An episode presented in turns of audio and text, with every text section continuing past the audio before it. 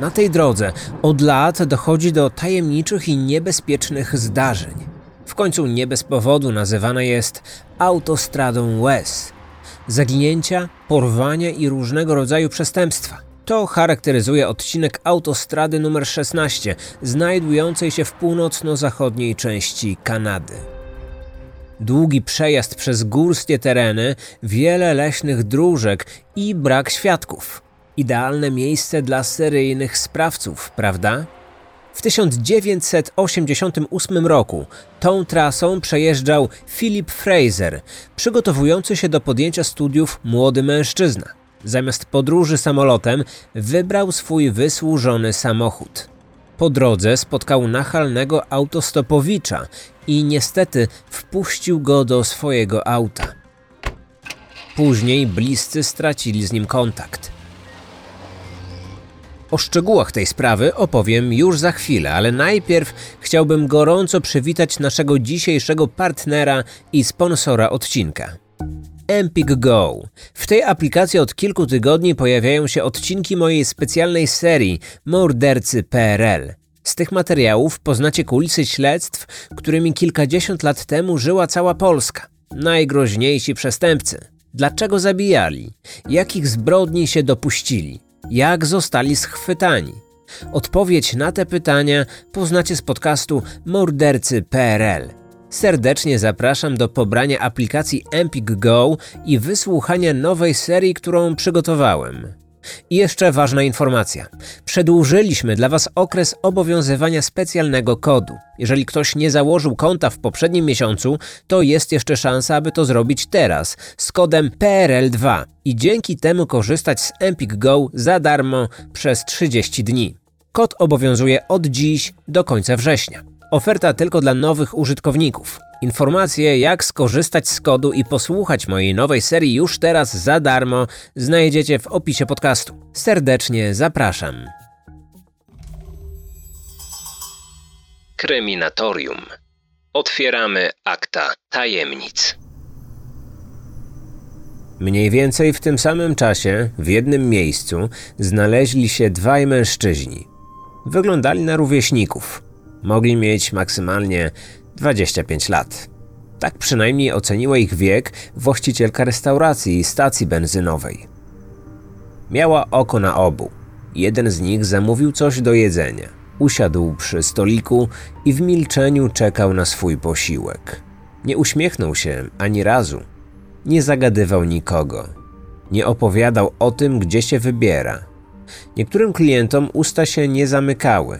Ten akurat nie należał do szczególnie wygadanych. Widać było, że jest introwertykiem. Drugi wydawał się przyjaźniejszy. Kobieta mogła to stwierdzić, choć obserwowała go z witryny. Nie wszedł do środka i nie skorzystał z ich menu. Nawet nie zatankował. Sprawiał wrażenie, jakby zrobił sobie tylko krótki postój. Ale kiedy jej córka przechodziła obok niego, to powiedział jej dzień dobry. Na jego twarzy pojawił się wtedy uśmiech. Wydawał się dobrze wychowanym, młodym mężczyzną. Kiedy klient restauracji uregulował swój rachunek, wyszedł. Atmosfera w lokalu od razu się oczyściła. Mężczyzna wzbudził w niej trudny do opisania niepokój. Wtedy spostrzegła, że podszedł do tego drugiego.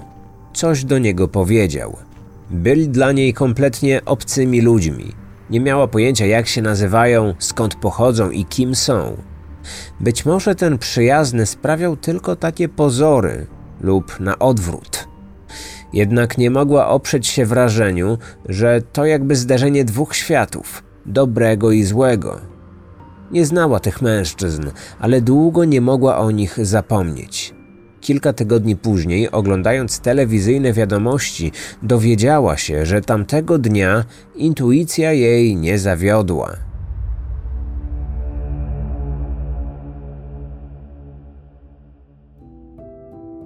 Rodzice 23-letniego Filipa Frasera nie byli do końca zadowoleni z wyborów życiowych ich syna.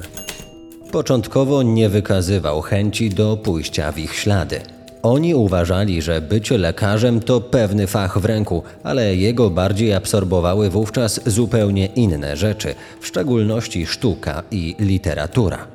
Już od dziecka uwielbiał grać na wiolonczeli. Pewnego dnia poprosił rodziców, by zapisali go na lekcję gry na tym instrumencie. Rzadko opuszczał zajęcia. Był zdeterminowany, by spełnić jedno ze swoich marzeń. Od zawsze miał naturę marzyciela i idealisty. Wykazywał się niebywałą wrażliwością. Rodzice bali się, że to pewnego dnia go zgubi, ale jednocześnie byli z niego dumni. Po liceum postanowił wyjechać do koledżu, który lata wcześniej ukończył jego ojciec. Jednak pewnego dnia chłopak doszedł do wniosku, że ani ta uczelnia, ani życie w stanie Maryland nie byłoby dla niego. Tęsknił za Alaską, miejscem, w którym się urodził i wychował. Jego rodzice pochodzili z Filadelfii, jednak ojciec otrzymał dobrą ofertę pracy w Anchorage. Alaska, która jest eksklawą Stanów Zjednoczonych, od początku jawiła mu się jako idealne miejsce do założenia rodziny. Wraz z żoną uznali, że nigdzie indziej nie będą szczęśliwsi. I tak właśnie żyli, szczęśliwie wychowując trzech synów. Oboje byli lekarzami znanymi i cenionymi w okolicy. Ojciec, internista, stał się ekspertem od gruźlicy. Matka skończyła specjalizację z neurologii. Chcieli, by dzieci wybrały podobne ścieżki kariery. Czasami wykazywali drobne niezadowolenie ich życiowymi wyborami. Mimo wszystko niczego im nie narzucali.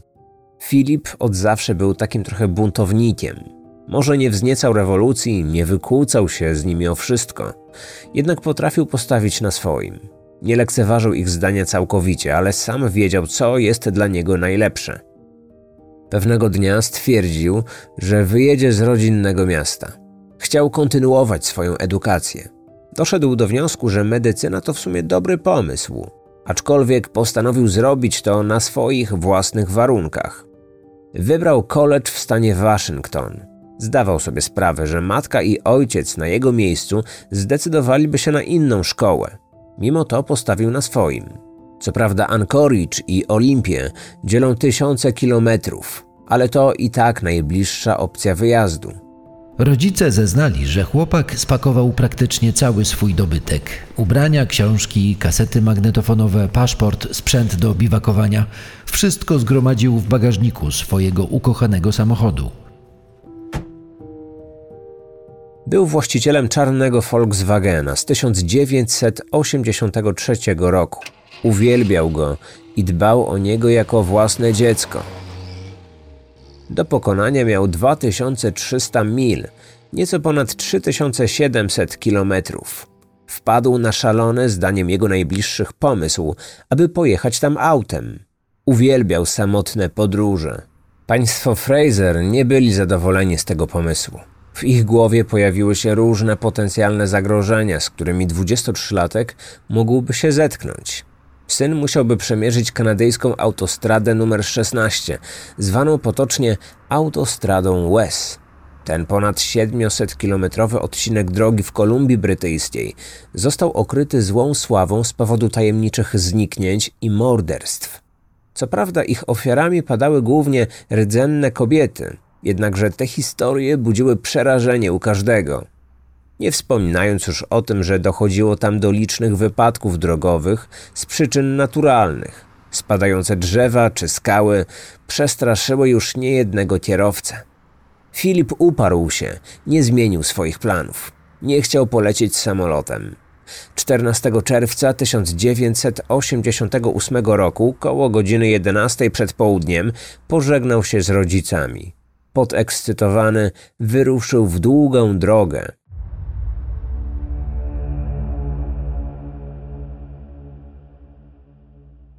Po kilku godzinach jazdy musiał się zatrzymać.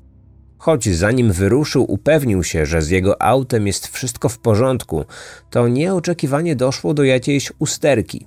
Postój zrobił po przejechaniu 500 kilometrów w miejscowości Tok. Usterka nie była na tyle poważna, ale postanowił, że jak tylko napotka jakiś warsztat samochodowy, to z niego skorzysta. Tak powiedział swoim rodzicom, z którymi się skontaktował. Tego dnia już nie wyruszył w dalszą trasę. Nie wynajął jednak pokoju w motelu. Miał przy sobie namiot. Znalazł pole kempingowe i na nim spędził noc. W rozmowie telefonicznej opowiedział o tym, co go spotkało. Mimo wszystko chłopak nie tracił pogody ducha. Był optymistycznie nastawiony do tej wyprawy, nie chciał martwić swoich najbliższych. Na ich pytania odpowiadał lakonicznie. Wizja syna nocującego na polu kempingowym napawała ich niepokojem. Ojciec dopytywał o szczegóły. Syn jednak go zbywał. 23-latek powiedział, że jest przecież dorosły. Dodał, że jeśli będzie potrzebować pomocy, to da im znać. Rodzice przyznali mu rację. Uznali w końcu, że nie mogli całe życie go niańczyć i narzucać mu ich własnego zdania. Poprosili tylko, żeby kontaktował się z nimi w miarę regularnie. Mijały następne dni, a Filip, choć to obiecał, nie dawał znaku życia. Bliscy nie wiedzieli, co aktualnie się u niego dzieje. 17 czerwca, czyli trzy dni później, chłopak znalazł się na przejściu granicznym pomiędzy amerykańską Alaską a Kanadą. Straż Graniczna dokonała standardowej kontroli jego rzeczy. Młody mężczyzna podróżował z dwoma pistoletami. Tam skąd pochodził, prawo dotyczące posiadania broni palnej jest dość liberalne. Jednak inaczej to wygląda w Kanadzie. Nawet Amerykanin, który posiada pozwolenie na broń w swoim kraju, nie może wjechać z nią na terytorium kanadyjskie. Z tego powodu Filip musiał oddać swoją broń strażnikom. Zrobił to niechętnie, ponieważ dawała mu ona poczucie bezpieczeństwa.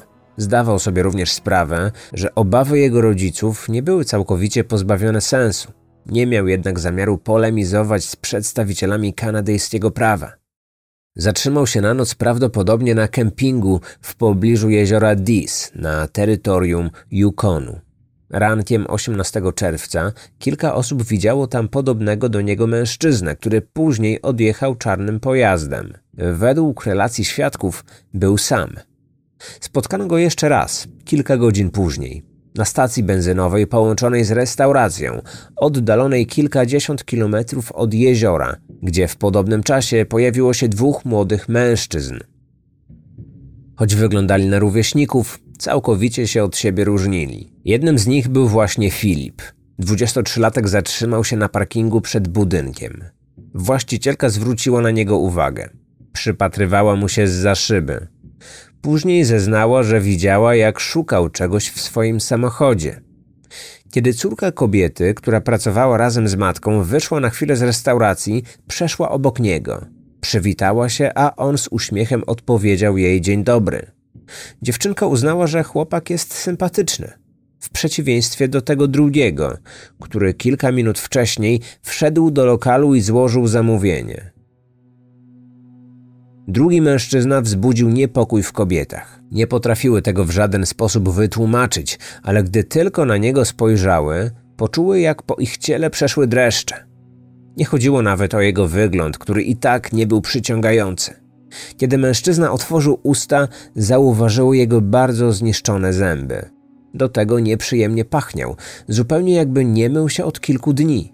Ich obawy wiązały się z zupełnie czymś innym. Ten człowiek miał wypisane szaleństwo w oczach. Córka właścicielki pomyślała nawet, że wygląda na takiego, który uciekł ze szpitala psychiatrycznego.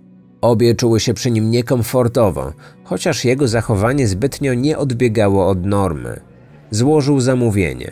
Usiadł przy stoliku. Kiedy kelnerka przyniosła mu jedzenie, zjadł je w spokoju i milczeniu. Przyjechał tam samochodem. Ktoś go podwiózł. Świadkowie nie widzieli, kto siedział za kierownicą. Nie zapamiętano też żadnych szczegółów związanych z pojazdem. Kierowca po chwili odjechał, a tajemniczy i budzący grozę mężczyzna wszedł do restauracji. Gdy skończył jeść, podszedł do lady, żeby zapłacić. Z portfela wyjął kilka kanadyjskich dolarów. Nie zagadywał nikogo, nie wdawał się w pogawędki. Rozmowę z kelnerką ograniczył do niezbędnego minimum. Po wszystkim wyszedł. Wtedy obie poczuły ulgę. Niektórzy powiadają, że kobieca intuicja rzadko kiedy się myli, a one od samego początku miały wrażenie, że to zły i niebezpieczny człowiek. Choć nie epatował agresją, to było w nim coś podejrzanego. Jeszcze przez chwilę patrzyły w okno. Śledziły jego ruch. Chciały mieć pewność, że odejdzie i że nigdy już nie wróci. Spostrzegły, że podszedł do mężczyzny, który chwilę wcześniej zaparkował. Do tego, który wydawał się sympatyczny. Coś do niego powiedział. Być może zapytał, dokąd się wybiera. Kobieta usłyszała, że poprosił o podwiezienie. Filip go zbył, a po chwili wsiadł do swojego samochodu. Kiedy wyjeżdżał z parkingu, ten drugi zaczął za nim biec. Nieoczekiwanie otworzył drzwi od strony pasażera. 23-latek początkowo nie chciał się ugiąć. Odjechał kawałek dalej. Prawdopodobnie doszedł do wniosku, że nie powinien odmawiać bliźniemu w potrzebie. Zatrzymał się. Autostopowicz wsiadł do środka. Odjechali razem. Osiem godzin i wiele kilometrów później czarny Volkswagen na poboczu drogi zwrócił uwagę pewnego małżeństwa w średnim wieku. Zatrzymali się, aby sprawdzić, czy stojący przy aucie młody mężczyzna nie potrzebuje przypadkiem pomocy. Faktycznie tak było. Powiedział im, że coś stało się z jego samochodem. Nie mógł odpalić silnika. Było już późno, a okolica niezbyt bezpieczna i przyjazna. Dlatego zaproponowali mu rozwiązanie sytuacji. Przyznali co prawda, że teraz już nie mogli zadziałać, ale zajęliby się tym problemem następnego dnia. Nie chcąc zostawiać go do tego czasu samego, zaprosili do swojego domu.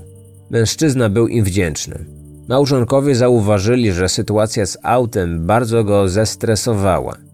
Ich propozycja była dla niego wybawieniem. Choć kompletnie ich nie znał i tak naprawdę nie wiedział, kim są, zgodził się. Ale czy miał jakieś inne wyjście? Zaoferowali mu nocleg w pomieszczeniu na samym dole ich domu. Dwudziestoparolatek nie zdawał sobie sprawy, do czego ten pokój im głównie służył. Trzymali tam broń palną. Mieli dość sporą kolekcję, składającą się z kilkunastu sztuk. Nazajutrz zawołali go na śniadanie. Chwilę z nim porozmawiali. Chcieli wiedzieć skąd pochodzi i dokąd zmierza. Opowiedział im krótko, że jedzie do stanu Waszyngton, gdzie niebawem rozpocznie zajęcia w koledżu. Zapisał się na kursy, które później umożliwią mu dostanie się do szkoły medycznej. Chciałby pójść w ślady rodziców lekarzy, a pochodził z pięknego Anchorage na Alasce. Okazało się, że jego samochód nie był poważnie uszkodzony. Naprawienie zajęło zaledwie chwilę. Chłopak zapytał jednak mężczyznę, czy nie chciałby kupić od niego auta. Fakt, lubił ten samochód, ale ostatnio sprawiał mu same problemy. Choć na początku zaplanował, że do celu dotrze właśnie nim, to teraz zmienił zdanie. Powiedział, że nie chce pieniędzy. Wystarczy, jeśli małżeństwo kupi mu bilet lotniczy do Seattle. Stamtąd pociągiem pojedzie do Olimpii. Para zgodziła się na tę propozycję. Była jednak niedziela, dlatego wszelkie formalności mogli załatwić dopiero w poniedziałek. Ale przyszły student bardzo się niecierpliwił. Spieszył się. Twierdził, że w poniedziałek powinien być już na miejscu. Podziękował im więc za fatygę. Postanowił się odwdzięczyć za pomoc, dając im kilkanaście dolarów amerykańskich. Kiedy wyjmował portfel, pomocni małżonkowie zauważyli pewien szczegół, o którym nam później opowiedzieli. Otóż mężczyzna ten miał przy sobie dwa portfele – Pomyśleli wówczas, że jeden pewnie jest przeznaczony na amerykańską walutę, drugi zaś na kanadyjską. Dlatego nie zaprzątali sobie tym wtedy szczególnie głowy. Pożegnał się z nimi i około dziewiątej wyruszył w drogę.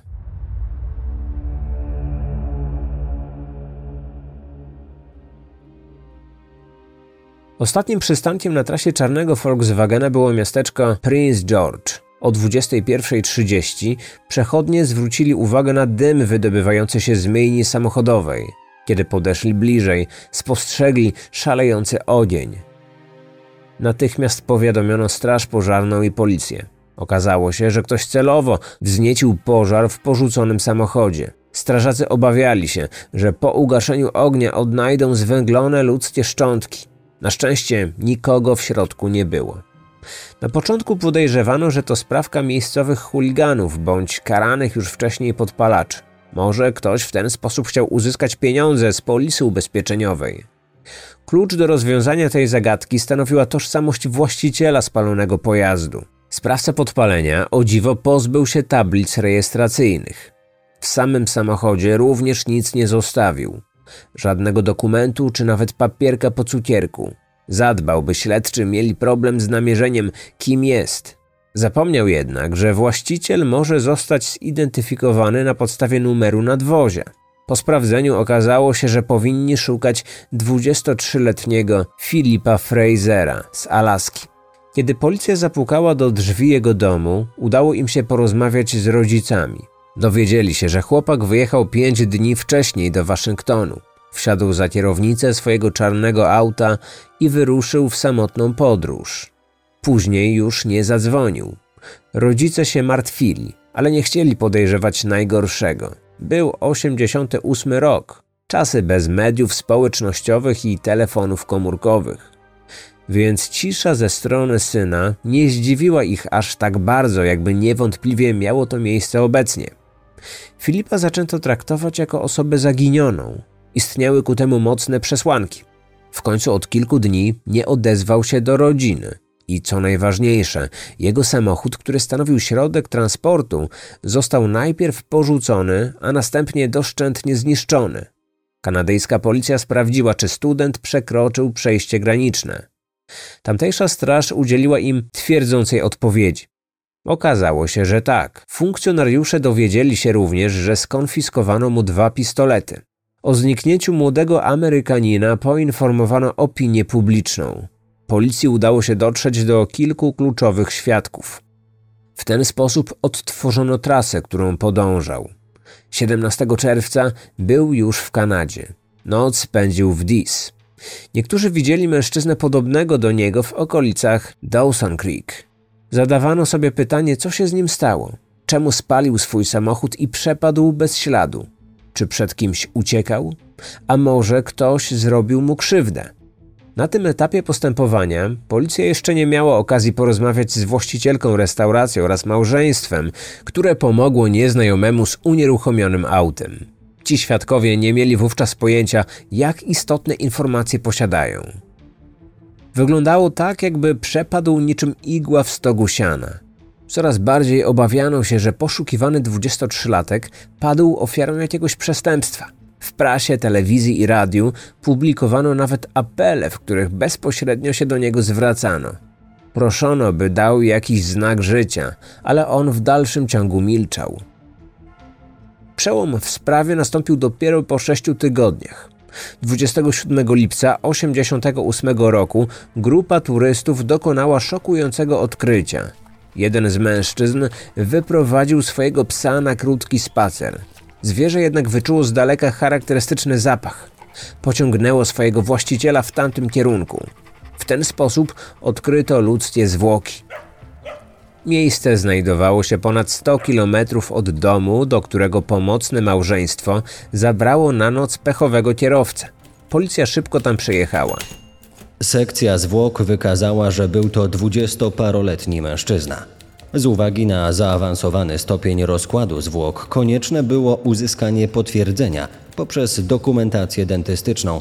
Jednak śledczy od samego początku domyślali się, kim był ten człowiek. Filipa w tamtym czasie intensywnie poszukiwano w rejonie, więc o nim pomyślano. Z Alaski sprowadzono jego kartę dentystyczną. Dzięki temu uzyskano potwierdzenie. 23-latek został zamordowany. Przez lata ukrywano, co było bezpośrednią przyczyną śmierci. Mogliśmy jedynie spekulować na ten temat. Jedni uważali, że został zastrzelony, inni, że pobito go na śmierć. Ostatecznie w końcu okazało się, że pierwsza wersja była zgodna z prawdą. Postrzelono go kilka razy, jednak szczegóły dalej są owiane tajemnicą. Nie wiemy, ile konkretnie padło strzałów, który z nich okazał się śmiertelny, w jakie części ciała został trafiony oraz jakiej broni sprawca użył. Podobnie z miejscem zbrodni. Tylko policja i najbliżsi wiedzą, czy został zamordowany tam, gdzie go znaleziono. Niektórzy świadkowie zgłosili się na policję dopiero po opublikowaniu w mediach informacji o znalezionych zwłokach. Jedną z takich osób była właścicielka stacji benzynowej i restauracji. Kobieta zeznała, co takiego wydarzyło się 18 czerwca. Opowiedziała o krótkim postoju Filipa. Choć nie wszedł do środka ani nie zatankował auta, to i tak zwrócił jej uwagę. obserwowała go zza okna. A to wszystko za sprawą innego mężczyzny, który wówczas siedział przy stoliku i złożył zamówienie. Nieznajomy wzbudził u niej taki lęk, że nie była w stanie o nim zapomnieć. W dodatku ta sama osoba zaczepiała Filipa. Narzucała mu się jej zdaniem świadka, prawdopodobnie prosiła go o podwiezienie. Amerykanin w końcu uległ. Kobieta przeczuwała, że to właśnie ten tajemniczy autostopowicz odpowiadał za zabójstwo. Opisała jego wygląd. Brązowo-oki szatyn mógł mieć maksymalnie 180 cm wzrostu. Ważył około 100 kg. Jego cechami charakterystycznymi był duży, odstający brzuch oraz zniszczone zęby. Unosił się wokół niego odór. Nie dawała mu więcej niż 25 lat. Kobieta podejrzewała, że mógł być niepełnosprawny intelektualnie.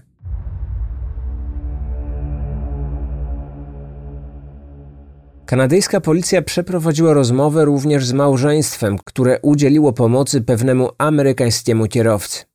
Nie wiadomo, czy mężczyzna im się przedstawił. Świadkowie opowiedzieli jednak o kilku szczegółach, które im zdradził. Twierdził, że pochodził z Alaski i zmierzał do Olimpii na studia. Chciał zostać lekarzem, podobnie jak jego rodzice. Jednak opis tej osoby nie odpowiadał charakterystyce Filipa, który był szczupłym mężczyzną z podłużną twarzą i delikatną urodą. Małżeństwo opisało go jako lekko otyłego. Zwrócili również uwagę na jego zepsute uzębienie. Poszukiwany student tak nie wyglądał. Wtedy zdaliśmy sobie sprawę, że świadkowie prawdopodobnie zaprosili do swojego domu zabójcę. A to oznaczało, że już tamtego wieczoru student nie żył. Pozbawiono go życia w sobotę. Ponad dobę później sprawca pozbył się dowodu w postaci samochodu. Śledczym nie pozostało już nic innego, jak odnaleźć podejrzanego. A to okazało się trudniejsze niż przypuszczali. W prasie rozpowszechniono jego portret pamięciowy. Miały dni, tygodnie i miesiące. Nie zgłosił się nikt z informacją, że to może być jego sąsiad, znajomy z dzieciństwa, partner czy pracownik. Tak jak wcześniej Filip zapadł się pod ziemię, tak teraz podobnie zniknął jego potencjalny zabójca. Wiedza policji na temat autostopowicza ograniczała się wyłącznie do zeznań właścicielki lokalu oraz małżeństwa. Na ich podstawie wysnuto pewne wnioski i tezy. Mógł to być rówieśnik Filipa. Wszyscy świadkowie zgodzili się, że miał maksymalnie 25 lat. Jedną wielką niewiadomą była jego narodowość. Teoretycznie pochodził z Kanady. W restauracji zapłacił tamtejszymi dolarami. Małżeństwu, któremu pomogło, podarował amerykańskie banknoty. Ale podejrzewano, że akurat wtedy nie korzystał ze swojego portfela, tylko Filipa. Z drugiej strony zastanawiano się, czy już wcześniej nie dokonał jakiejś kradzieży. Mógł przecież ukraść komuś te kanadyjskie pieniądze. Poszukiwany mężczyzna miał niewątpliwie problemy z utrzymaniem podstawowej higieny. Jego zęby były w opłakanym stanie. Nieprzyjemny zapach świadczył, że nieczęsto sięgał po gąbkę i mydło. Może był bezdomnym albo cierpiał na zaburzenia psychiczne. Brano pod uwagę, że może zmaga się ze schizofrenią, narcyzmem, jest socjopatą, psychopatą lub walczy z depresją. Funkcjonariuszy zastanawiało, jak diametralnie odmienne wrażenie wywarł na poszczególnych osobach. Właścicielka restauracji i jej córka przestraszyły się go już na samym początku, choć nawet nie zrobił nic nadzwyczajnego. Złożył tylko zamówienie i usiadł przy stoliku. Ale one miały co do niego złe przeczucia. Zaniepokojona matka postanowiła zostać w lokalu, pomimo tego, że skończyła już swoją zmianę. Za nic w świecie nie chciała, by dziewczyna została z tym człowiekiem sama. Z kolei małżeństwo odebrało go w zupełnie inny sposób. Postrzegali go jako młodego i zlęknionego mężczyznę, którego zestresowała sytuacja z zepsutym samochodem. Może nieco ekscentrycznego, ale nic poza tym. Śledczy też zaczęli zadawać sobie pytanie: dlaczego zabił 23-latka, ale oszczędził parę w średnim wieku? Szukanie odpowiedzi zahaczało o inną ważną kwestię, mianowicie o motyw. Jeśli faktycznie zamordował, to co go do tego skłoniło? W sieci można znaleźć kilka ciekawych hipotez. Filip i tajemniczy autostopowicz byli mniej więcej w tym samym wieku. Przez chwilę jechali wspólnie. Amerykanin pewnie zdradził jakieś informacje na swój temat. Na pewno powiedział skąd pochodzi, dokąd jedzie i kim są jego rodzice. To teoretycznie mogło wzbudzić zazdrość u tego drugiego.